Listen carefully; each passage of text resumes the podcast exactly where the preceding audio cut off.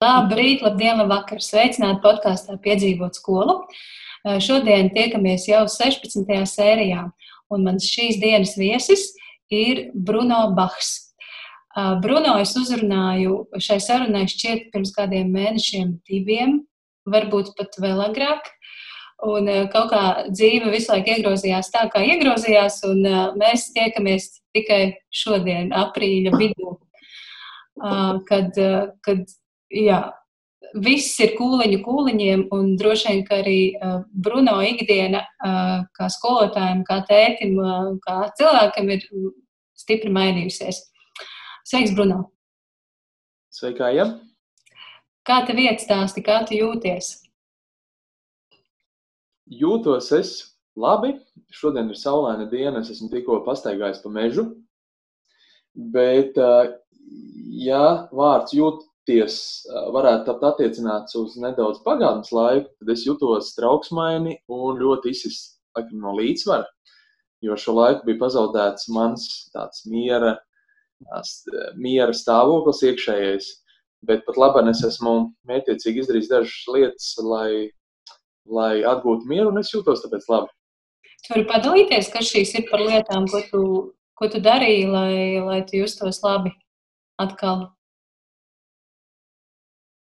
Es esmu izlabojis beidzot skolēnu darbus, attālināti, un tas jebkuram, man liekas, cilvēkam, kurš ir apzinīgs, ja viņam ir kaut kas jāpaveic, un ja tas gadījumā nav paveikts, tas stāv kaut kādā kešapiņā prātā, un, un ejot gulēt, un vārot kafiju vai braucot ar automašīnu, visu laiku par to piedomā. Un otrs aspekts, es esmu sapratis, ka um, man ir jāklausa tam, ko es pats postulēju tīklos un visiem pārējiem, man ir jāmēģina saudzēt sevi nepārstrādāties, jo pārdīšanas risks ir ļoti, ļoti liels. Mm. Un tādēļ, tādēļ tādā iekšējā dialogā es esmu sapratis, ka pasaule neapstāsies, ja es kaut ko neizdarīšu. Ir vajadzīga diena, ir vajadzīgs laiks man, ir vajadzīgs svaigs gaiss, un tad kaut kā viss sastājās pa plauktiņiem.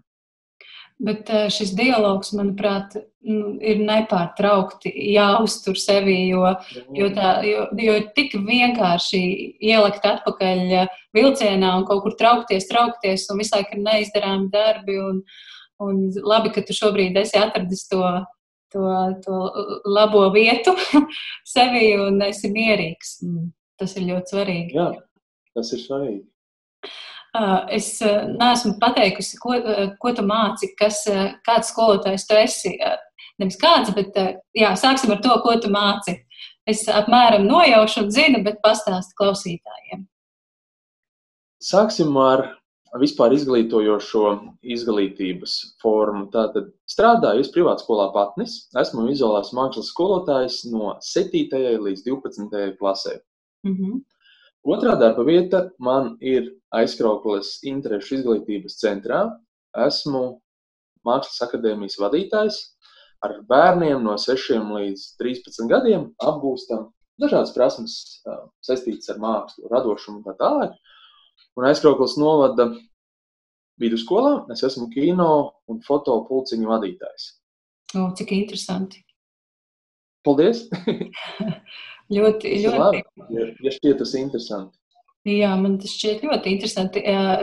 Šis tā kino pulciņš, tā ir tava ideja, vai, vai tev piedāvāja lūdza to vadīt, veidot?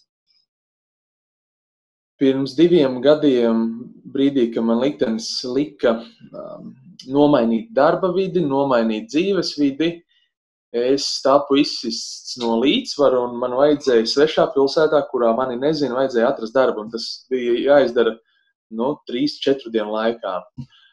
Um, es pats gāju, klauvēju pie iestādes vadītāja durvīm. Es teicu, ka es vēlos piedāvāt kaut ko savu, jo man ir diezgan daudz ideju un, un lietu, ko es varu darīt ar bērniem. Un bija tukša niša tieši digitālajā pratībā un tieši mm, arī saistīts ar fotografijām. Uh, tad, tad tieši tā mēs arī kopā ar skolas vadību nodibinājām šo kino pulciņu, kas ir jau otro gadu aizkrauklas vidusskolā, aizkrauklas novada vidusskolā, piedodiet. Mm -hmm. Un, kā notiek šobrīd mācības šajā pulciņā? Kā tas notiek attālināti vai vispār notiek? Es izdzēstu vārdu mācības. Es teiktu, mērķtiecīga, koordinēta darbība uz rezultātu kaut kad. Tas tāds. Uh, sākumā, kad sapratu vispār, kā strādā attālinātā mācīšanās un mācīšana, es centos tiešām to visu, kāds es esmu klātienē, pārnest uz to attālināto vidi. Tad es sapratu, ka tas nestrādā, jo bērni ir pārslogoti. Es izdzēsu vārdu termiņi, es izdzēsu vārdu tāda mērķiecīga mana tāda varbūt monitorēšana par to procesu, un tad es tā fluently, nu tā izpūtu gaisu. Un uh, ir process, uz ko mēs ejam. Nu, piemēram, mums ir jāizveido um, noslēgums mūsu iesāktajam kino darbam, kurā mēs mēģinājām iedzīvināt ar balsīm, ar darbībām dažādus sadzīviskus priekšmetus. Tad uh, ir daļa bērnu, kas to ir izdarījuši, ir daļa, kas nav. Ja klasiskajā formā es ietu, runātu, um, varbūt teiksim, tā, strādāt ar, viņu, ar viņu individuāli, tad saprotot reāli tiešām, kādas noslodzes grafiks ir viņu ikdienā, un tiešām es nepārspīlēju, es vienkārši palaižu, ļauju viņiem izdarīt tik, cik viņi var, jo, mm, teiksim tā, es ļoti vienkārši varu būt egoists, uztvert, ka mans pulciņš ir pats galvenais, bet es pat aizmirsu, tiešām pat neaizdomājos, ka viņiem ir mākslas skolas. Un pat mākslas skolai ir arī kaut kas jādara. Un patiesībā tas nabaga bērns, viņš ir iedomājieties pie datora, viņš, viņš, viņš strādā, piemēram, pie manis vēl kādu laiku, viņš vēl mākslas skolā. Nu, tad darbs notiek, jā, bet, um, bet ne ar tik izmērāmiem mērķiem, tik kaut kādos nu, noteiktos rāmjos. Mm. Un kā ir vizuālajā mākslā skolā? Ko tu, ko tu lieci saviem skolēniem darīt vizuālajā mākslā? Viņi zīmē, fotografē. Kas notiek tur? Um, bija iesākts tāds ļoti vērienīgs projekts kopā ar datorīgu skolotāju, kurā mēs bērniem mēģinājām attīstīt uh, dažādas prasmes, uh, konkrēti infografikas izstrāde, klātienē tika aizvadītas divas stundas, viena no tām bija ievirzta praktiskais darbs, tad tagad mēs um, to visu, um, teiksim tā, to darba pabeigšanas procesu virzījām attālināti pa soļiem, un tad tagad tā īsti vakardien bija diena, ka es plānoju attālināt stundas bērniem uz turpmāko laiku, tātad līdz maija, maija, maija viducītim. Un um, Un tie secinājumi ir, ka, ja ļoti, ļoti grib, ja ļoti, ļoti strādā, tad patiesībā to pašu manu, es neteiktu, nelietošu vārdu harizmu, bet um, manu personību es varu ielikt tajā attālinātajā mācību materiālā. Bet tas prasa ļoti, ļoti, ļoti lielu sagatavošanos un vēlmi arī to darīt. Tu vari pastāstīt, lūdzu, sīkāk par šo, par, par šo. Man liekas, ļoti interesanti ielikt sevi tajās attālinātajās mācībās, ielikt savu harizmu. Nu, tu, tu drīksti to tā saukt, jo man liekas, ka tas tā arī ir. Kā tie ir praktiski? Privātā skolā patnis es esmu tikai pusgadu. Un uh, mana tā mācīšanas koncepcija vispār, kā es mācu mākslu, jau desmito gadu, un vispār, ko nozīmē šajā laikmetā mācīt mākslu vai vispār priekšmetu mācīt. Um, man ir jālauž uh, stereotips par to, kas ir vizuālā māksla, jo ļoti daudziem, un ne jau tikai bērniem, bet um, arī pieaugušajiem, asociējas māksla ar zīmēšanu, un es vienmēr brīdī, kad es tiek pieteikts, piemēram, kā zīmēšanas skolotājs, es nekautrējos un es tā atvainojos, bet jūs man pieņēmāt darbā kā vizuālās mākslas skolotāju tas bija ar iepriekšējo vadītāju, tas bija tiešām amizanti. Tātad tas ir pa stereotipu, ka vizuālā māksla tā ir mērķiecīga personības izaugsme, tā nav klusā daba, tā nav tikai darbošanās ar zīmolu, bet tas ir daudz plašāk. Tas ir pirmkārt, un otrkārt, pirmajā tajā mm, pusgadā ir ļoti svarīgi izveidot attiecības, jo mācīšanās nāk tikai pēc tam. Jo, ja tu sāc uzreiz ar to pirmo daļu, kā es agrāk, pirmajos gados, kad sāku strādāt skolā, darīju, tad var iebraukt auzās un tā vienkārši to klasvedības nu, momentu nedabū tik, tik labā kvalitātē. Tu nedabū uzticamību, tu nedabū sajūtu, ka viņi strādā tavā vietā, un tas ir vislabākais.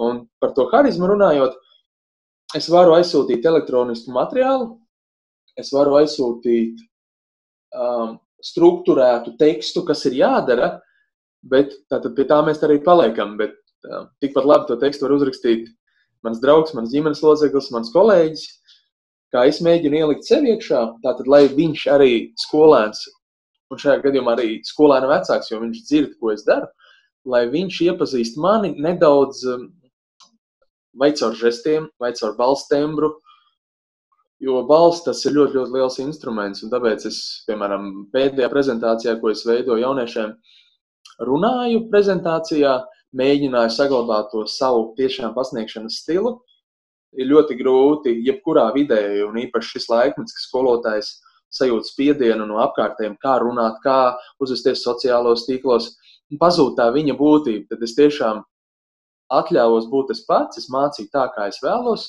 mācīt, es runāju. Un vēl, man liekas, tā attālinātā mācīšana to uh, personību ļauj attīstīt, uh, piedod, ne attīstīt, bet ielikt, jo šeit ir liels uzsvars uz to aprakstošo vērtējumu, uz to formatīvo daļu. Mm -hmm. Tad cenšos, ja man ir iespēja ierakstīt skolēnam balss, balss ierakstā atsauksmes par viņa darbu, lai nav teikumi, bet ka viņš mani noklausās. Un, mm. Jo, redzi, es runāju ar tevi, es smaidu, manā balsī ir tāds pacēlums, un to vienu teikumu, kuru tu varbūt um, dzirdi, kā es runāju par labu, tu saproti tagad tiešām pozitīvi, bet šajā gadījumā, ja es pateiktu šo teikumu burtu veidolā pilnīgi savādāk, un tur jau būtu interpretācija. Mm. Un tas ir eh, būtiski.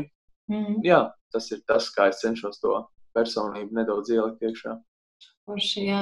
uh, tad, kad tu stāstīji par to, ka vizuālā māksla nav tikai zīmēšana, es atcerējos savus skolas laikus un uh, savas vizuālās mākslas stundas. Un, uh, ja godīgi, tas ir, tas ir mazliet murgs manās atmiņās, jo uh, Jo es 9. klasē, nu, es, ne, es uzskatu, ka es nemāku zīmēt, un, eh, un 9. klasē mums bija kaut kāda brīvā stunda, kur varēja zīmēt jebko, un es uzzīmēju vienkārši nožēlojumu suņu būdu, par kuru, man liekas, no tas zīmējums joprojām kaut kur ir, un, un tas bija tik primitīvi un tik, tik šausmīgi skumji, un, un jā, tas man ir radījis ļoti liels kompleksus.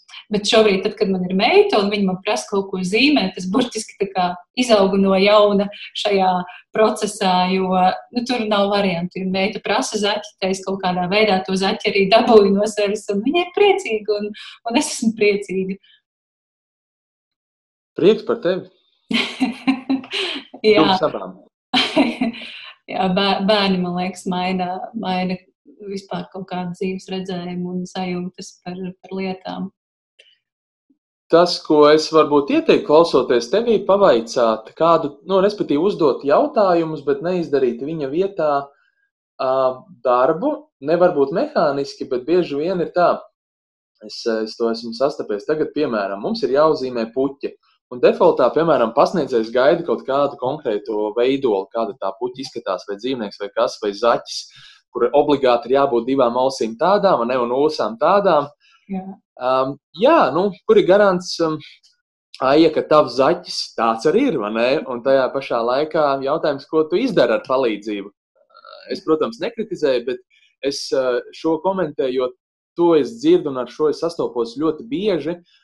Un, um, ja es pateiktu kādreiz, nedari tā, tas nestrādāt, man vajadzētu to bišķi to, to aprakstošo daļu ielikt iekšā, jo tam, ka vecāks izdara bērna vietā kaut ko, patiesībā ķēdītē tālāk var veidoties diezgan daudz tādu robežu iekšējo. Mm -hmm. Es sapratu, tevi. Nu, manai meitai pagaidām ir divi ar pus gadi, un, bet viņa zīmē. Viņa zīmē okay. Eh, vilcienus, un uh, viņai, viņas vilcieni, protams, neizskatās vispār pēc, nu, vismaz manā prātā, tie neizskatās pēc vilcieniem, bet es saku, cik, cik tev ir burvīgi vilcieni un kādas viņiem skaistas sliedas ir sanākušas. Un, okay. un uh, jā, tur, tur viss notiek. bet, uh, tas, jā, tā kā Bet atgriežoties pie tevis, tu minēji, ka pirmās mācības stundas ar saviem skolēniem, vismaz kaut kādu laiku tu pavadīji veidojot attiecības un, un ieliekot pamatus klasvadībā. Vai tu vari konkretizēt lūdzu arī šo procesu, pastāstīt sīkāk, kā tas notiek, un varbūt ir kaut kādas veiksmes vai neveiksmes bijušas šajā procesā? Es cenšos vienmēr um, mācīšanas sākumā iepazīstināt ar sevi. Reizē parādot uh, darbus savus, parādot savu profesionālo pieredzi, parādot, uh, ieintriģējot, kas jaunieši sagaida mācību procesā, es paralēli mēģinu nodefinēt viņiem un atgādināt ar sevi savas vērtības, ko es mēģinu ielikt viņos. Man tas ir gadu laikā jau izkristalizējies. Tā ir draudzība, tā ir savstarpējā cieņa, Un zem draudzības es saredzu arī tādu savstarpējo toleranci, ka viss ir vienādi un tā tālāk. Un, um, un, un es tiešām, teiksim, tā, cīnos, es esmu gatavs nomirt, es esmu gatavs likvidēt jebkuru labu stundu dēļ šīm divām vērtībām. Nu, piemēram, cieņa, prezentācijas process. Ja mans lūgums, un tā nav pavēle, tas ir lūgums, un ja, piemēram, es komunicēju lūguma formā, tā ir arī ļoti liela atšķirība. Tad vienā brīdī eh, es mēģinu saprast, ka es nepieprasu, bet es tev lūdzu pieņemt. Un tā ir arī ļoti liela, liela atšķirība. Un, respektīvi, mm, es eh, cenšos attiecības būvēt ļoti pozitīvi, tajā pašā laikā parādot, atgādinot, ka vienmēr būs kaut kādas robežas, jeb sarkanās līnijas, kuras es nekad neuzupurēšu un kurām es nevēlētos pārkāpt pāri. Un mēģinu atrast īstos vārdus um, par attiecību veidošanu.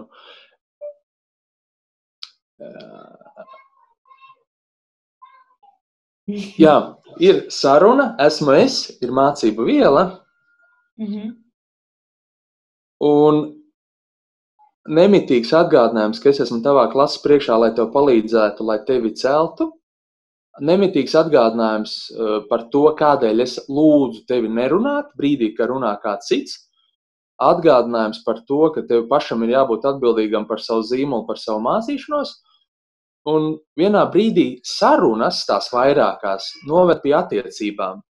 Jo, ja būs labdien, šī ir jaunā tēma, redz, kur ir uzdevums strādājam, tas ir viens moments. Tātad viņš paliek zinošs, viņš paliek varbūt atbildīgs, varbūt uh, Bet, ja es esmu moderators katram savam solim, nu, gribot, negribot, izveidojis attiecības, un es esmu uh, pie, piekritējis tam, un to es godīgi es pat neatceros ne pētījumu, bet, uh, ne autoru, bet ar šo es sistemātiski strādāju Olēnas pirmajā vidusskolā.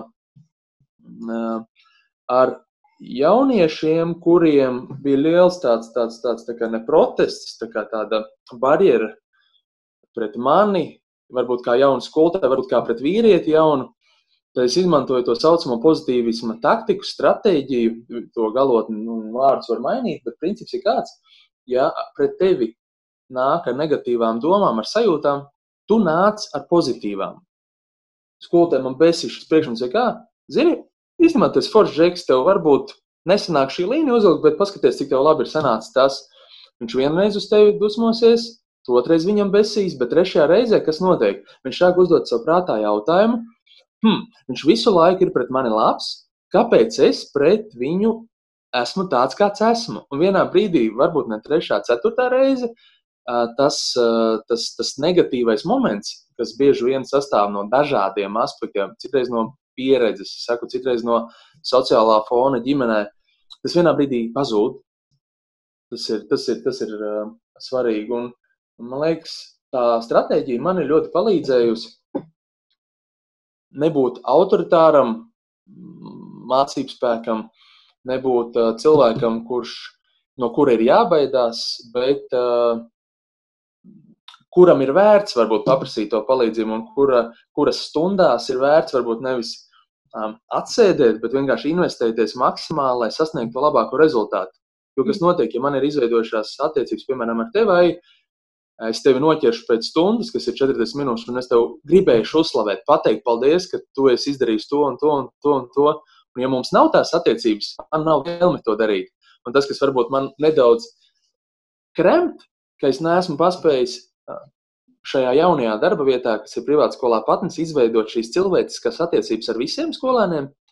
Un to es jūtu arī darba iesūtīšanas procesos, to es jūtu arī varbūt attieksmē par nesaulēcīgiem termiņiem, jo es um, saprotu, ka ir jāiegulda tāds darbs.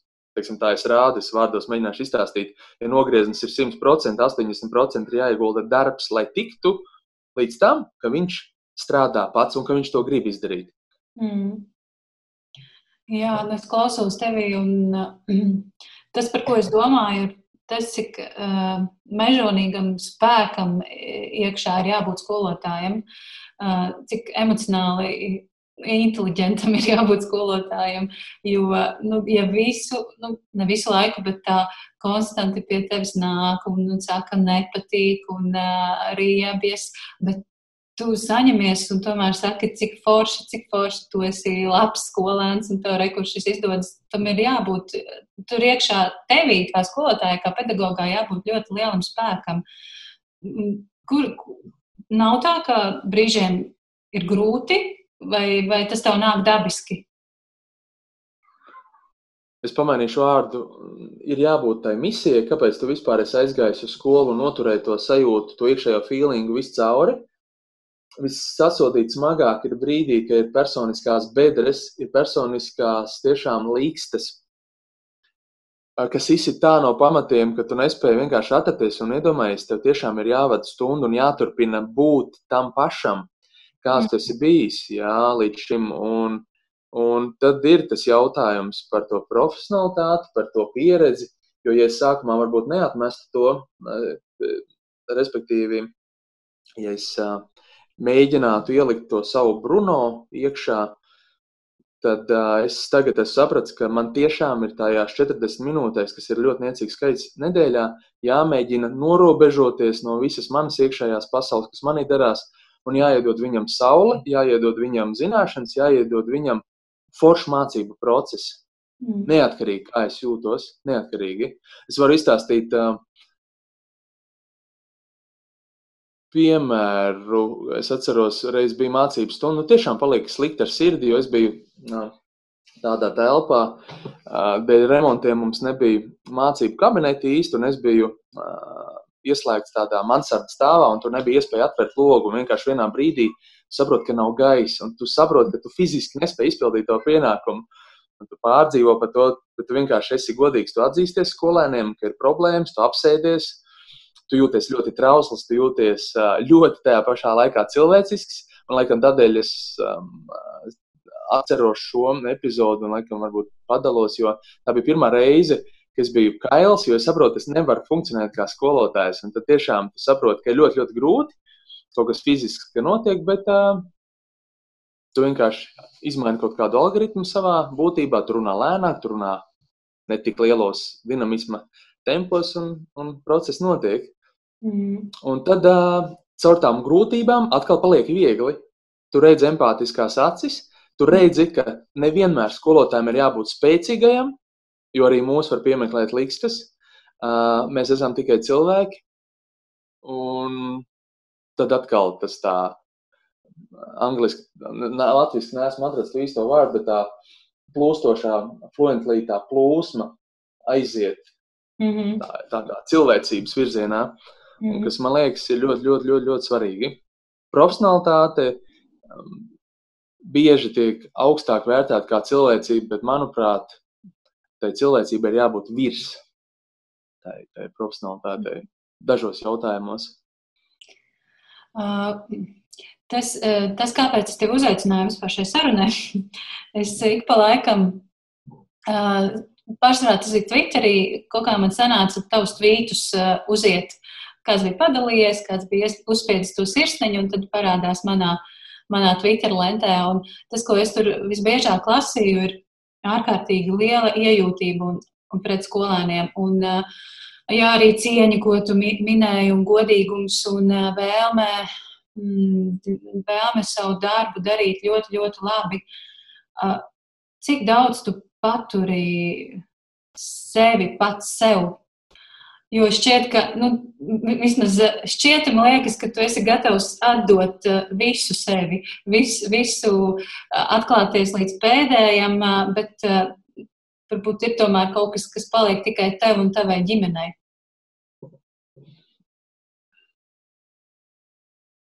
Es paturu sevi sev, un tikai tādēļ es esmu turpinājis būt skolotājs.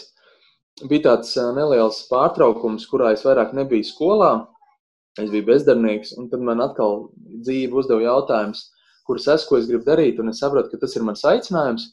Un jo vairāk es nostiprinu pārliecību, ka man ir jābūt pašam tajā pašā mācību stundā, tajā pašā laikā, tajā pašā komunikācijā ar skolotājiem, sapulcēs, jebkur, ko es daru, tad um, tu vienā brīdī saproti, ka tava tā profesionālā vide auga ar tavu būtību. Un, um, Es ielikšu punktu. Jā. Skaidrs, bet tu, tu pateici ļoti interesantu lietu, kas man uzreiz aizķērās. Tu biji bezdarbnieks kādu brīdi. Tu biji skolā, tad uh, aizgāji prom un uh, biji bez darba, un tad atkal esi atgriezies, ja es pareizi saprotu to stāstu. Mm -hmm, tā bija. Jā, nu tad uh, varbūt tu vari sākt no sākuma, kā tu vispār nokļuvi skolā. Man patiesībā ļoti patīk cilvēciskie jautājumi, jo cilvēciskie jautājumi ļoti um, liek uh, cilvēkam, kurš atbild uz viņiem, um, atgriezties kaut kādā pagātnē un skaļi dzirdot savus vārdus, vēlreiz ieklausīties sevī un saprast um, kaut kādus lēmumus. Tas ir forši, jo par darbu vienmēr var parunāt. Kā es nokļuvu 2009. gads bija gads, kurā man ir, bija jābeidz augstskola, Rīgas Tehniskā universitāte. Es pirms dažiem mēnešiem biju izšķīries ar savu pirmo draugu, visilgākās attiecības mūžā. Es esmu asiņojošs. Es uh, saprotu, ka pēdējais kurs, tātad uh, cūcene, jeb jauniešiem vārds haļāvi ir beigusies. Tusiņiem ir bijis jāpasaka stop, jo tu saproti, ka uh, tu sēdi darba dienā, saulainā laikā virtuvē, un tu saproti, ka tava dzīve nav nekāda vektora uzņēmums, un tev ir kaut kas jādara. Man bija viens aizmetnis, man ļoti patika zīmēt. Es sev biju atradzis zīmēšanā jau skolas laikā, un tajā pašā laikā man ļoti patika mācīt. Es izmēģināju mācīt pirmajā, otrajā kursā, kad man iecels vidusskolas direktoru, un paldies, es viņai saku, agrais zaķei atļāva vadīt zīmēšanas pulciņu. Viņa dalīja uh, mākslas skolotājas slodzi ar mani. Es domāju, mākslas skolotāja īpaši priecīga nebija, bet tā bija fenomenāla iespēja man, man saprast, ka man tas patīk un, un, un, un, un man tas padodas. Un tad es uh, šajā 2009. gadā sapratu, ka es vēlētos apvienot zīmēšanu ar mācīšanu. Gāju uz, uh, braucu ar savu automašīnu uz Bausku.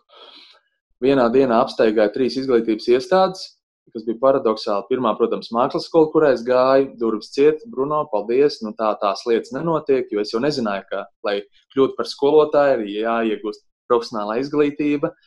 Ka uh, varbūt vasara ir tas īstais laiks, nevis agrs pavasaris, lai meklētu darbu. Aizgāju uz vēl vienu skolu, aizgāju uz uh, Bauskas valsts gimnāziju, kas ir paradoxāli. Viņi pēc tam man uzmeklēja, bet arī direktors man aiztaisīja durvis iet, un es atcerēšu, atcerēšos vienmēr viņa frāzi kur tad man tagad ir jāatlaiž, lai tevi pieņemtu darbā. Nu, ok, paldies, tu esi atnācis, bet, bet, bet nu, redz, kur ir durvis projām. Nu, un sajūta ir tik sasodīta, drāmķīga. Cilvēkam, kurš grib dot, um, pirmkārt, atteikt arī var, cilvēcīgi atteikt arī var dažādi. Cilvēkam, kuram patīk zīmēt, un es laikam biju ideālists, es joprojām esmu ideālists kaut kādā jomā, bet es biju ļoti liels maksimālists tajā laikā. Es esmu ideālists tagad, bet maksimālists vairāk es neesmu. Bet tajā laikā man likās, ka visas durvis tiešām jauniem cilvēkiem ir vaļā. Un tad tu saproti, ka ir atteikumi, tu saproti, ka tu nezini, ko darīt ar savu dzīvi. Tu sēdi piekdienas vakarā pie galda, brīdī, ka varbūt pirms gada es būtu tusējies kādā diskotēkā un klausos panorāmu, ļoti patīk ziņas, un dzirdu, ka skan reklāma par jauno dalībnieku uzņemšanu iespējamai misijai programmu. iespējamā misija. Pirmā sekundes, domāju, saistīts kaut kas ar reliģiju, bet panorāmā diez vai reliģisks kaut kāds tēmas tiktu apspriests.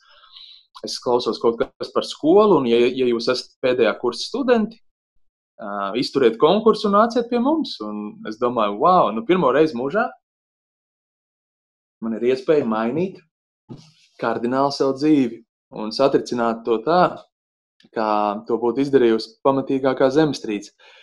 Un tad pārsteidzoši es um, izturēju visas četras kārtas.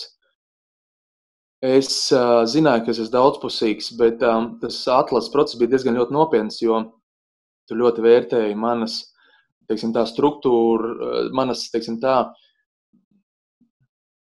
vērtēja manu dzīves nedaudz struktūru, manu plānošanas prasmu un tam līdzīgi, bet es ar šīm, teiksim tā, prasmēm nebiju saskāries līdz tam. Un tad, kad es sapratu, ka es esmu vizuālās mākslas skolotājs, es sapratu, ka viss notiek pa īstam un ka sākās tā mana īstā mācīšanās pieredze. Jā, tas process bija ļoti, ļoti interesants. Un aizlecot um, tālāk, tātad divi gadi Olēns pirmajā vidusskolā, pēc tam piedāvājums un sapņu piepildījums audzināt klasi iecels internāta pamatskolā, tad uh, darba attiecību izbeigšana, tad, tad uh, mēs, uh, es vairāk neesmu skolotājs, tad ir darbs ar pieaugušajiem, un tā ir tā bezdarbnieku pauzīte, kurā es sapratu, ka man pietrūkst, man gribas to darīt, Un, un nepaiet ilgs laiks, ka man zvana no Bauskas pirmās, piedod, Bauskas valsts ģimnāzijas, mācīja pārzina un liek pieņemt, lai, liek pieņemt lēmumu divās dienās būt mākslas skolotājam iestādē, kurā es esmu bijis, nu, kā es to stāstīju pirms pieciem gadiem, kas ir mana dzimtā puse, Bauska. Un tad es iztaisnoju mugurkaulu.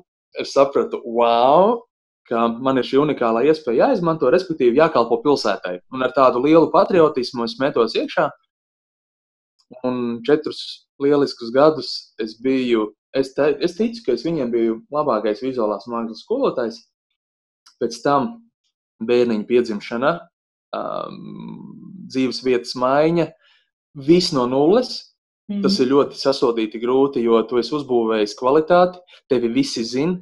Uh, tu ieej klasē, Tev pat nav jāsaka, kāds ir stundas mērķis, kāds ir uzdevums. Es vienkārši redzu, kā viss notiek jau starpbrīdī. Un, un, un aiziet no šāda stāvokļa projām ir, ir ļoti sāpīgi. Tajā pašā laikā tu it kā pats māci to, to dzīves realitāti, ka tās pārmaiņas ir tam, kam jābūt tev ir gatavam, ka tev ir jābūt gatavam kāpt no komforta zonas ārā. Bet mēs jau tie, kas mācām, reti kad tās, tās lietas piedzīvojam tā konkrēti paši uz sevis. Mm. Un, un tas bija ļoti vērtīgi, tas bija ļoti svētīgi, jo turpinājumā darbs interešu izglītībā noņēma man stresu spriedzi. Tātad stress ir tas, kas um, bojā čakarē visiem veselību tā, ka tiešām cilvēki sevi sabeidz, izbeidz, izbeidz partneru attiecības, viņš pazaudē jebkādu hobiju, dēļ stresa, dēļ tās slodzes. Un tad es sapratu, tiešām, ka interešu izglītība ir tā laime, kurā es varu atrast dienā laiku sev, kurā es varu kalpot tai savai uh, misijai bērniem.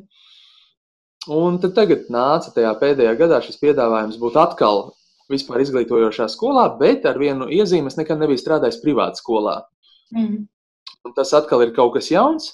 Es saku īstenībā paldies, ka es pieņēmu šo pieredzi, jo attālinātā mācīšanās nekad man nebūtu pat sapņos ienākusi prātā, nekad mūžā es nebūtu domājis, ka šādi vadīšu stundu kādreiz. Mm. Es ļoti priecājos par šo laiku. Mm. Tas, ko es sadzirdēju, mm, tavā stāsta noslēgumā, ka tu mazliet sevi sargā no pārslodzes, no, no pārlieku liela stresa. Tāpēc tu vairies no vispār izglītojošām skolām. Tā es to sapratu. Um, lai tā, mēģināšu noformulēt no pamatiem. Es uh, savā karjerā, tieši Bauskas valsts gimnājā, sasniedzu maksimāli visu to, ko es varēju iedomāties kā skolotājs, kā vizuālās mākslas skolotājs. Mhm. Bērni ar prieku nāca uz manām stundām. Klases vidējais, es vēlreiz uzsveru, klases vidējais vērtējums - desmit balvas. Darbi mākslas skolu līmenī. Tu saproti, ka tas, ko tu redzi, tā vairāk nav mācīšanās, bet tā ir, tā ir tāda kaisle pret to, ko tu dari. Kolēģu vidū es biju iemājojis uzticību ar savu fanātisko darbu, ar savu pieeju procesam, izstāžu stendi atkal iekārtot. Bijām pie prezidenta, piepildīju savu sapni, aizbraukt pie prezidenta ar savu mākslas projektu, spēlējām galda spēles ar Vējoņu kungu kopā. Uh, un sākt visu no nulles, um, atkal bez lielas jēgas, ne tikai mācīt vizuālo mākslu, ir ļoti, ļoti, ļoti sevi jāpiespiež.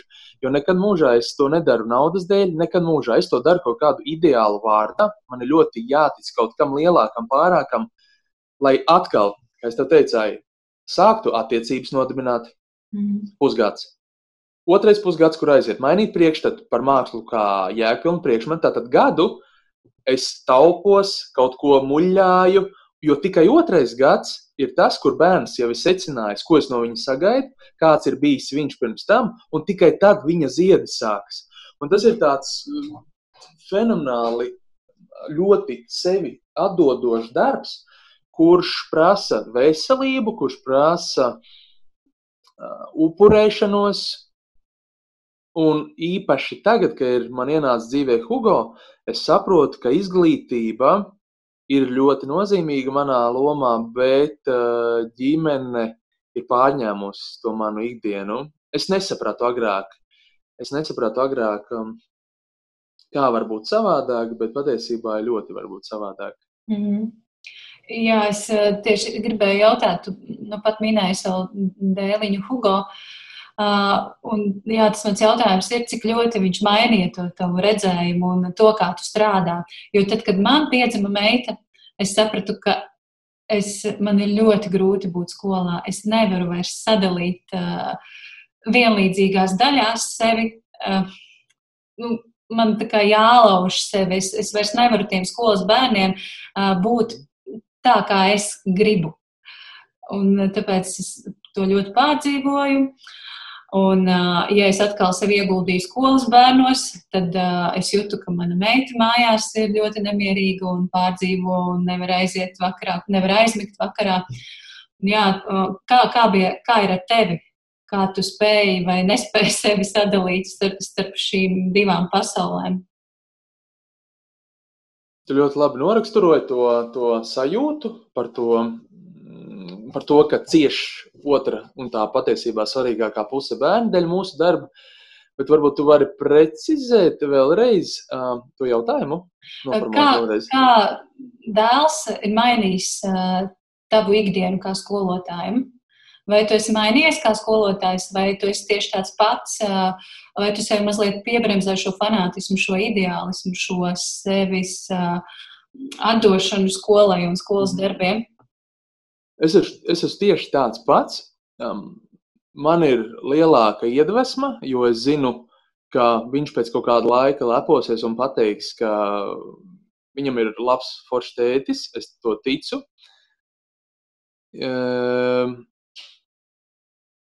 Dēls man ir iedevis sapratni, ka man mājās ir nevis jānoliek, jo tu pati zini, skolotājs, jebkurš cilvēks, kurš dara savu sirdslietu, viņš nevar mehāniski nolikt. Bet vismaz jāmēģina nolikt darbs brīdī, kad viņš pienāk pie tavas kājas un pasakā, tēti, paspēlēsimies. Tu vienreiz viņam vari atteikt, otrais, bet ja viņš trešo reizi nāk pie tevis, tu saproti, viņš vēlas tevi. Un ir jānoliek darbs mājās un jāvelta laiks ģimenei. Un tas ir ļoti svarīgi ikvienam skolotājam.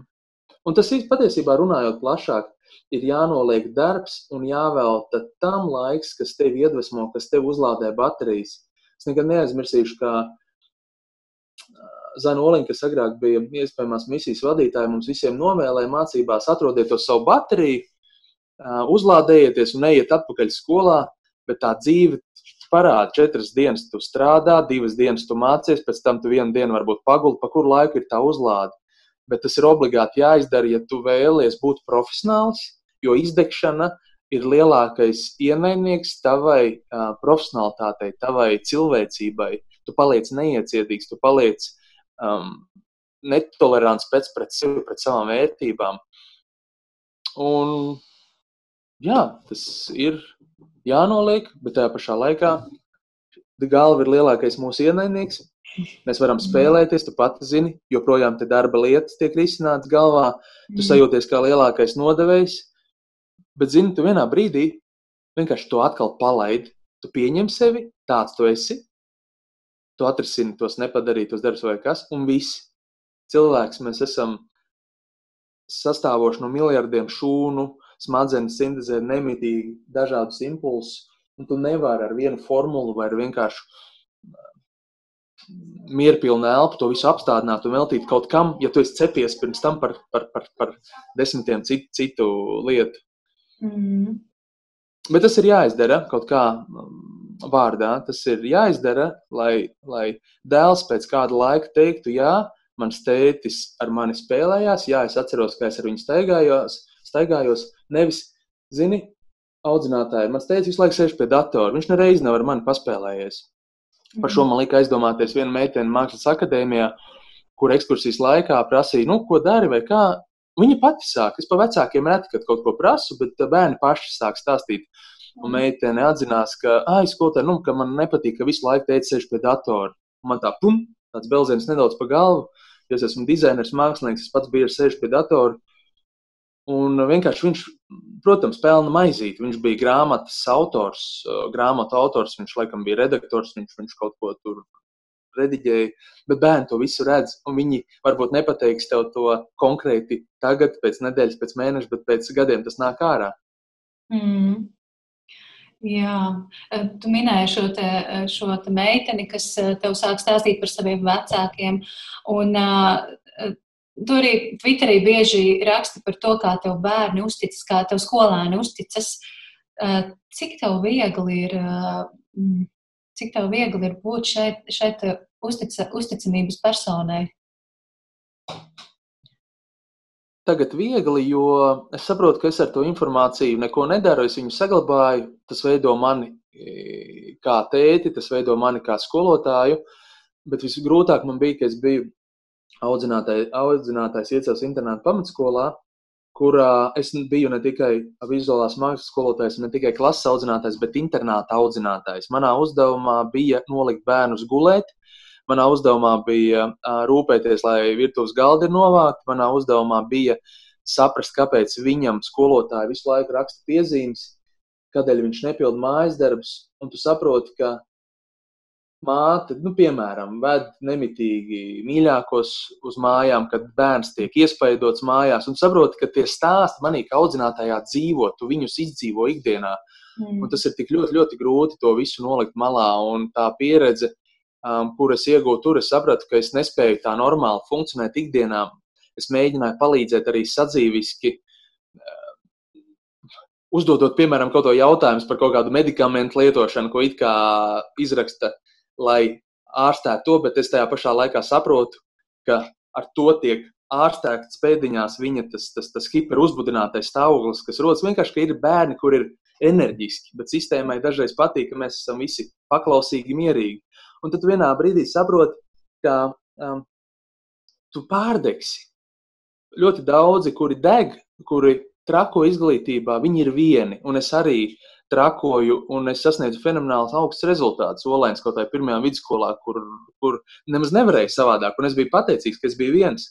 Bet, ja cilvēks dara, dala savu laiku ar laulāto partneri, ar bērniem, ja viņam ir vēl ģimene, mamma vai māsa, un arī jākopja ir attiecības, un draugi, tad, tad vienā brīdī ir kaut kas nu, jāsamazina.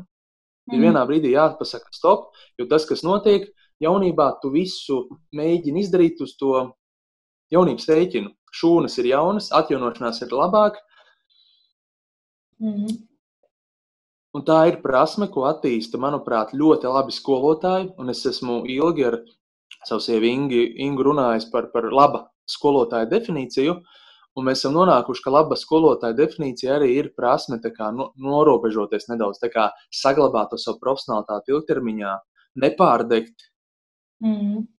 Ne? Un, un, un tajā pašā laikā būt pašam, bet arī saglabāt to savu skaidro prātu. Jo mūsu darbs atšķirās no citām profesijām ar to, ka mūs vēro sabiedrība, mūs vēro sociālie tīkli, mm. un tev visu laiku ir jābūt formā, nosacīti. Mm.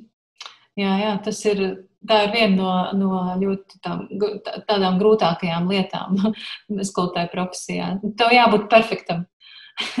Nu, citādi katra gramatikas kļūda tiks atrasta un, un aizrādīta. Un, jā, ir ļoti maz tādas iejūtīgas kritikas arī, man liekas, kolēģu starpā. Zini, jo vairāk mēs riskēsim un būsim mēs paši, jo iegūs visa sabiedrība. Tas, kas ar sociālajiem tīkliem tiek kultivēts, ar influenceriem, ka ir tā saucamā tāda laimīgā dzīve, ka ir, ir apstākļi, kuros viss ir perfekti, ka šajos apstākļos cilvēki tiek iemesti, bet viņi neizdzīvo kaut kādas grūtības, ka viņi nav kļūdījušies. Un tā jaunā paudze, kurā augs arī mans dēls, viņi redzēs, es ceru, ka kaut kas vēl mainīsies, bet redz viltus pasauli. Un tajā pašā laikā mēs taču apzināmies, ka arī skolotājiem garšo labs vīns. Arī skolotājiem sanāk pateikt karoče vārdu stundā, kā man dažreiz sanāk pateikt. Un es atceros pirmās stundas, un tu saproti, ka tu pasaki vārdu davai, piemēram, jā, ok, tas taču nav pedagoģiski. Bruno, tu esi skolā, uz tevi klausās skolēni, kā tu runā, jā. Stop, Bruno, Ja tu sāc sodīt sevi, tu pazaudē savu kaut kādu daļu patiesības īstumu, kādēļ tu esi skolā, kādēļ tu esi tāds, kāds esi. Tu vienkārši to palaidi. Mēs paši zinām, ir robežas, kuras pārkāpt skolotājs nevar, bet mm. jaunieši viņi vēl vairāk novērtē to, ka tu esi godīgs. Es nesaukšu to par mūsdienīgumu, un man es ļoti cienu, nepa, lai nepārprotu klausītājs, ļoti cienu un es ļoti dievinu precīzu latviešu valodu, bet līdzīgi kā zīmēšanas līnijas, katram cilvēkam ir savs, arī vārdu krājums mums katram ir savs, mūsu paradumi ikdienā katram ir savi. Un tas, ja cilvēki tiecās pēc kaut kā perfekta, nezinot, ko tas perfekcion, perfekcionisms izmaksā viņa veselībai, viņa būtībai, tad viņš vienkārši dzīvo tādā fake pasaulē. Un, un tas ir par to pilīti. Dzīvojot tajā iedomātajā, neīstajā pasaulē, kurā tas tēls ir uzbūvēts, kurā viss ir labi, kurā skolotājs nekļūdās. Līdzīgi kā partneru attiecībās, ja neizrunājās, vienkārši vienā brīdī tas būs pilns. Vai nu cilvēki aiziet uz Indiju ceļojumos, vai nu viņi beidz savu darbu skolā ar onkoloģiskām kaitēm, tas vienkārši kaut kur rezultēs. Tāda ir realitāte, es neko nepārspīlēju, mm. bet ir jābeidz izlikties par tiem, kas mēs neesam, un jāuzticas savai sirdī. Un bieži vien citreiz, ka kaut kādā seminārā, seminārā skolotāji ar tādām neticīgām acīm skatās, un, un, un kā tagad būs jaunais mācību standarts nāk priekšā.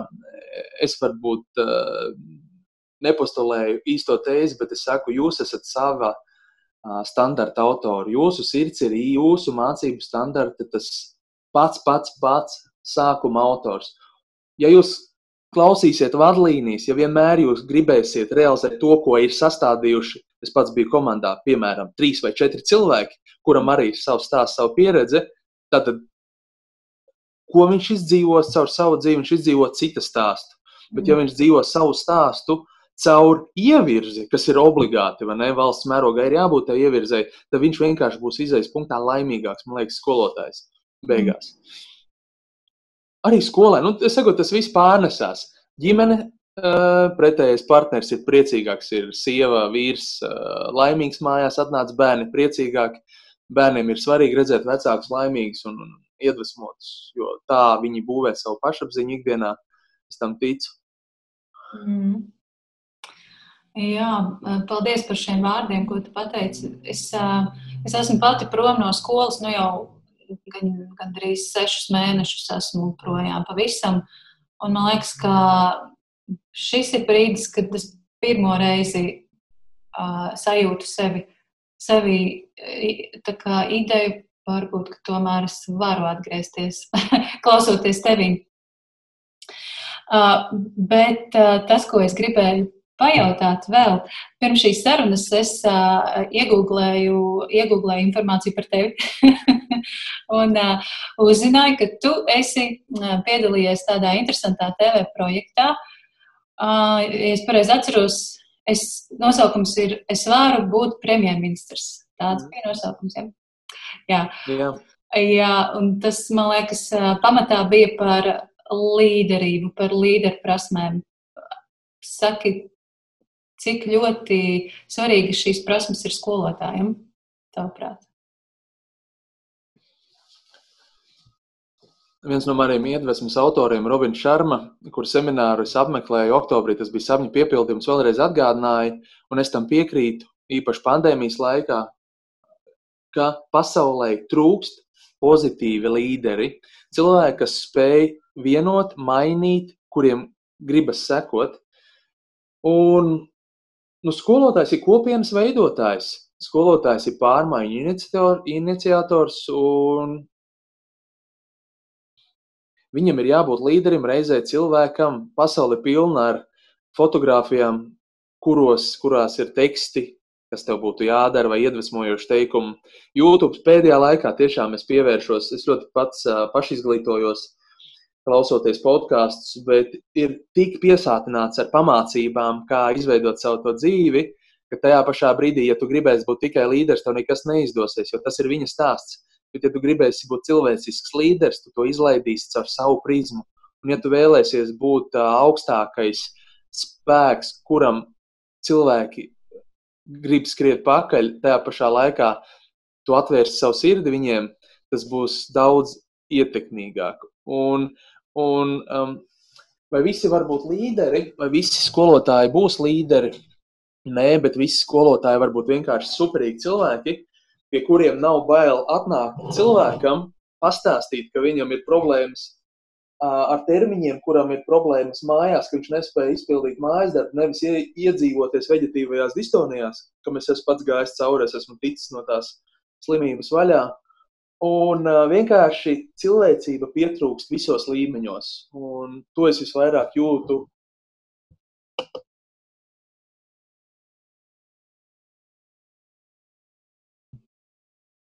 Pazuda skaņa, pazuda skaņa. Ah, un tagad? Ir, ir viss kārtībā. To es visvairāk jūtu, un pēdējie vārdi man pazuda. Respektīvi, to es jūtu ikdienā bērnu stāstos, kuri ir pārguruši, kuri ir nobijušies. Tā man arī pieredze rāda, ka um, bērns no raizēm par sekmēm, um, piedzīvo veselības problēmas, maz ēd vai pazūd viņam laiks hobijā. Es esmu ļoti paškritisks un um, es zinu, ka atslēga ir manī. Man ir jāspēj pietiekami ātri radīt sajūta, ka viņam nav bail man rakstīt, zvanīt. Pa, šajā gadījumā klasiskajā izglītībā tas laiks ir bijis. Mēs esam bijuši kopā praktiski pusotru mēnesi klātienē, tikai divi mēneši bijuši. Tas ir ļoti, mm. ļoti īs laiks. Bet uh, pirms tam es esmu vienmēr ļoti priecājies, ka tā notiek, ka, ka, ka bērni raksta, ka tā savstarpējā cilvēcība dominē. Man vienmēr ir jāmēģina iejusties viņa ādā. Ja pirmie gadi bija ļoti mehāniski, es centos iet uz to rezultātu. Atceros, kā šodien, ka meitene nevēlējās pateikt labdien stundas sākumā, viņa vienkārši izskatījās šādi gulēja uz galda. Viņai bija uzlikt pat somu uz galda, kas man likās nepieņemami. Blakus draudzene teica, skolotāji, viņi tur ir izšķīrusies ar puisi vai kaut kas tāds. Man liekas, bet tomēr tu taču to labrīt vari vārdu pateikt. Un atceros, tajā pirmajā gadā, tas pirms desmit gadiem, tu stāvi klases priekšā un tu neatkāpies no tā savu principu. Saprot, priekš kam tu to dari? Um, tu esi sapratis, pie kā noved šāda tipa principialitātes attieksmes, kādi veselības uh, traucējumi kopā ir mūsu bērniem ikdienā skolā. Un ir dažreiz jāpaskatās ļoti cilvēcīgi uz bērniem. Tajā pašā laikā, tajā pašā laikā ir jāatgādina, ka viņi ir atbildīgi par savu mācīšanos, lai nerodas sajūta, ka visu var sarunāt, ka visi termiņi ir pārceļami. Nē, nebūtu nē, bet ir objektīvs iemesls, kādēļ tu nevari kaut ko izdarīt. Vienmēr ir ir ideāli, ja tu pats to runā. Un, un, un es ļoti pie tā strādāju, lai ir tā. Jo tā ikdiena pasaulē rāda, ka arī ikdienā vai nu darba intervijas vai, vai kaut kādi projekta termiņi, tieši tas pats, tu godīgi uzraksti iemeslu, viņi pagarina. Nekas traks nenotiek. Ka nav tā pasaule tik strukturēta, tik necilvēciska tā, kur es biju iedomājies, kāda tā ir sākumā. Nē, visi mēs esam patiesībā cilvēki. Vienīgās bailes ir daudziem pazaudēt cilvēcību, jo ir apauguši cilvēki ar tituliem, ar uh, izglītības dokumentiem, ar uh, superpieredzēm. Bet tas viens līmenis ir atslēga nu, tai nākotnē, pozitīvajai, kurā mēs varam būt vienā līmenī, mm. viens ar otru. Tad uh, varbūt ne tik daudz uh, skolotājiem jābūt, um, nu, vismaz kā es saprotu no tevis teiktā, ne tik daudz līderim, vadonim ar skaļo balsi, bet vienkārši atsaucīgam cilvēkam, kas sadzird skolēnu. Kas sadzird, jo šis vārds ietver ļoti daudz aspektus. Skolotājs sadzird arī tēmas, kas varētu interesēt skolēnus, atrod pieejas īstās. Viņš mm. sadzird uh, to, ka bērnam varbūt ir disleksija, Viņam varbūt ir vajadzīga papildus palīdzība. Eh, viņš informē tālāk esošos cilvēkus, nevis iet pēc vienas šnitas un liekt mehāniski vērtējumus. Viņš sadzird termiņus. Varbūt konkrētajā klasē ir ieskaite vai konkrētam bērnam ieskaita muzikas skolā. Viņš varbūt uzdod papildus jautājumu, vai ir ok, ka mhm. termiņš ir šāds, jā? jo nekas jau nemainīsies. Un bieži vien mēs skolotāji ieliekam sevi lielos stresos, jo noslādinām mēs paši sevi. Ar mm -hmm. to, ka Mēs cenšamies būt perfekti, izdarīgi. Tajā pašā laikā mēs ļoti gaidām to paldies vārdu no kāda, kas novērtē šo perfekcionismu. Un ir, ir tiešām traki, ka skolotāji nesaņem ikdienā tos paldies vārdus. Un tāda ir arī tā realitāte. Viņš strādā no to ideālu vārdā, kuru neviens nenovērtē. Un te ir tas jautājums, vai ir pietiekami drosme atcerēties atpakaļ, saprast, kur es atrodos, kāda ir mana veselība, un varbūt vienkārši izbaudīt mācīšanu, aizejot no lielā rāmja, kas viņu tur saspringumā. Ja? Mm. Lielā, lielā rāmja, kas bieži vien ir uzlikts sirdī pašam. Mm. Zinu, kā es mazliet te paprovicēšu, jo varbūt šobrīd klausās kāds matemātikas skolotājs vai latviešu valodas skolotājs un domā, jā, kā, kā, tad, kā tad man dzīvot, jo man taču ir standarts, jo man taču ir eksāmeni. ko, ko tu vari teikt šobrīd? Jā, skolotājs ir ķīlnieks situācijai, kurā esam mēs. Es saprotu, ka skolu reitingi bāzējas uz eksāmenu priekšmetiem. Es saprotu, ka finansējums tiek piešķirts atbilstoši parādītajiem sniegumiem. Spriedze līdz ar to ir liela un, un tiek ietas pāri līķiem, lai sasniegtu rezultātu. Un es tikko izskaidroju to algoritmu, kurā visas tās daļas ir ļoti loģiskas un atbalstāmas un saprotamas. Bet tajā pašā laikā es ceru, ka nākotnē mainīsies eksāmena būtība. Tas būs kompleksāks, vairāk attīstīs prasmes, nevis mehāniskas kaut kādas lietas, kas ir vajadzīgas, ko jātur ir prātā, un, un, un, un tiks noņemts lielais, nu, tas tiešām stresa līmenis un tā mehāniskā, varbūt dažreiz, de, mehāniskā dažreiz tā pieeja, ka tajā un tajā stundā ir jāizdara tas un tas, mums ir jāizņem nedēļā tik un tik uzdevumi. Es vienkārši šo savu stāstāmo balstu uz to, kāda bija mana matemātika. Nereizi nebija saruna par dzīvi, nereizi nebija um, praktisks eksperiments, kurā es eju apkārt uh, skolai, daru grupās kaut ko visu laiku. Es eju uz eksāmenu, ja? es visu laiku eju uz kaut kādu summatīvu rezultātu.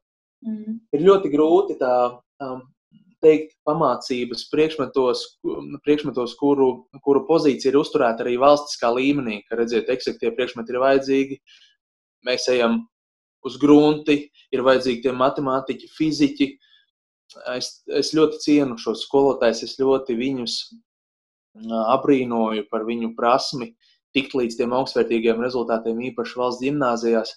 tajā pašā laikā es saku, es visu laiku brīdī, ka man ir, es saredzu matemātikas skolotāju kā savu dialogu partneri vai jebkuru, es viņa apakšā redzu cilvēku, un es visu laiku aizdomājos, kam viņš iet cauri cilvēcīgi, lai sasniegtu to, ko viņš dara. Mm. Viņš ir noguris, viņš ir neapmierināts ar sistēmu, viņš ir neapmierināts, viņš ir dusmīgs uz, uz, uz uh, izglītības ministri, uz ministriem, un mums ir Eiropā, ja nemaldos, tiešām ministrija, ministrijas lielākā rotācija. Mums ir izglītības ministri, respektīvi, visvairāk. Es nezinu, nevienu citu valsti, kurā tik daudz mainītos izglītības ministri. Un Sanāk tā, tā kā pasakā, ja tagad vajadzīgs noslēgums, pie visa vainīgs eksāmens, vai ne? Bet tā ir tāda ķēdīte, ķēdīte, kuras viens no posmiem ir eksāmenis. Bez eksāmeniem, tātad augstākā izglītībā, mēs nevaram saprast, kāda tipa jaunieti es uzņemu.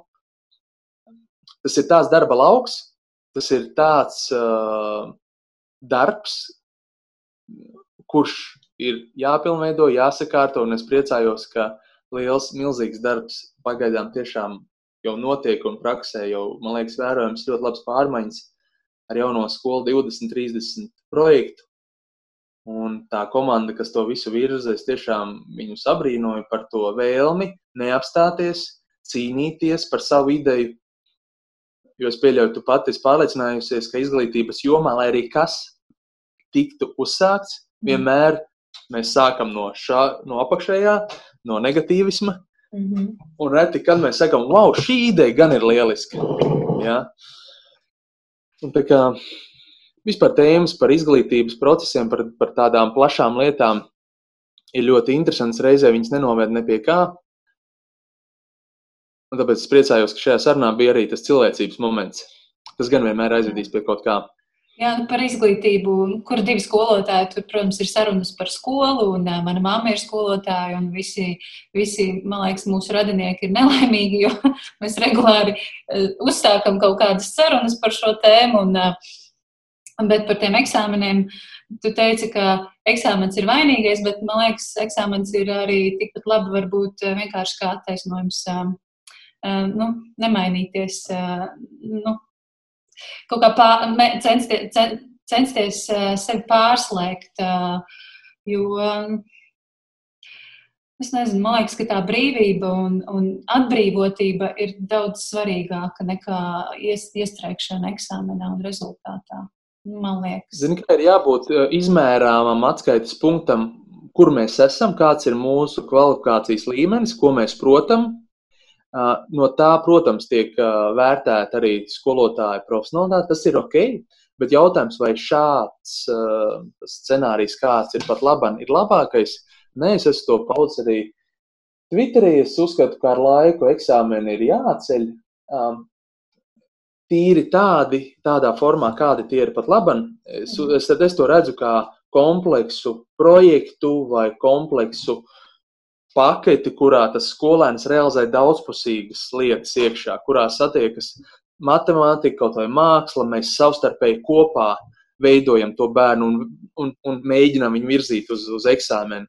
Jo, piemēram, kaut vai seju uzzīmē, tās ir proporcijas, tā ir konkrēta matemātika, kas ir sejā, un ja bērnam to algoritmu es sistemātiski iemācu savā priekšmetā, ja, tad viņam jau ir vieglāk mat matemātikā kā es to redzu, kā humanitārais priekšmets.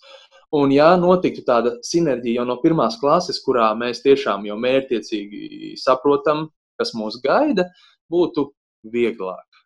Mm. Jā, klausies, stunda ir pagājusi, pat, pat mazliet vairāk.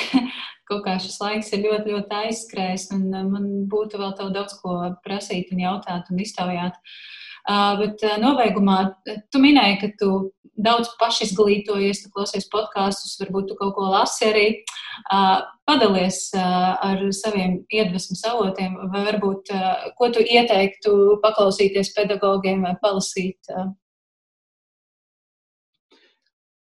Tā, sāksim no smagākā. Ja jūs vēlaties um, sevi nedaudz iznīcināt, paprovocēt, ja jūs vēlaties dzirdēt cilvēku, kurš Latvijā šādi runā vienīgais, ne jau tikai runas dēļ, bet satura dēļ, dēļ tā, kā viņš veido teikumus, tā, kā viņš redz procesus. Paklausieties Pēteru Kļavu. -hmm. Pēters ir mans iedvesmas guru, kuru es esmu apņēmies noteikti uzzīmēt un viņa zīmēm uzlikt šo stēkrekli, jo pēdējās divas sarunas, kuras dzirdēju ar viņu, man ļoti, ļoti, ļoti kā vīrieti ir uh, iedvesmojis un, un liek turpināt darīt lietas tā, kā es to daru. Numur divi. Man ļoti patīk, kā runā kā vīrietis Aleksis Daume.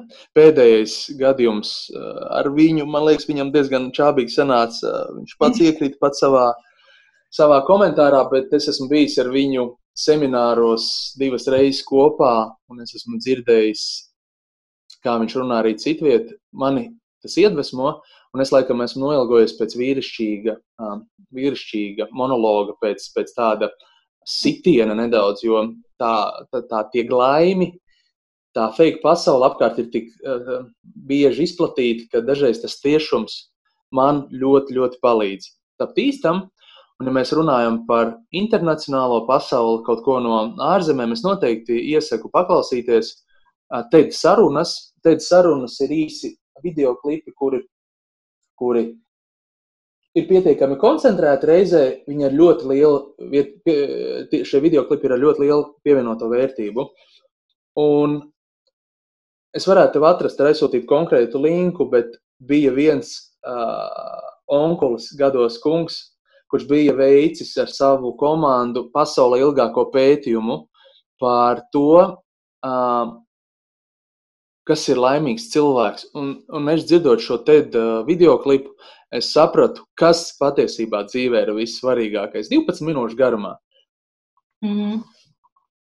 Un, uh, jā, Robins Šarma, Robin Šarma, viņu var klausīties daudz, bet es ieteiktu uztvert viņa podkāstus, blogus kā C vitamīnu. Ja jūs viņu lietosiet par daudz, jums būs alerģija, jūs lietosiet mērenā devā, tad jūs ļoti daudz iegūsiet savai personībai.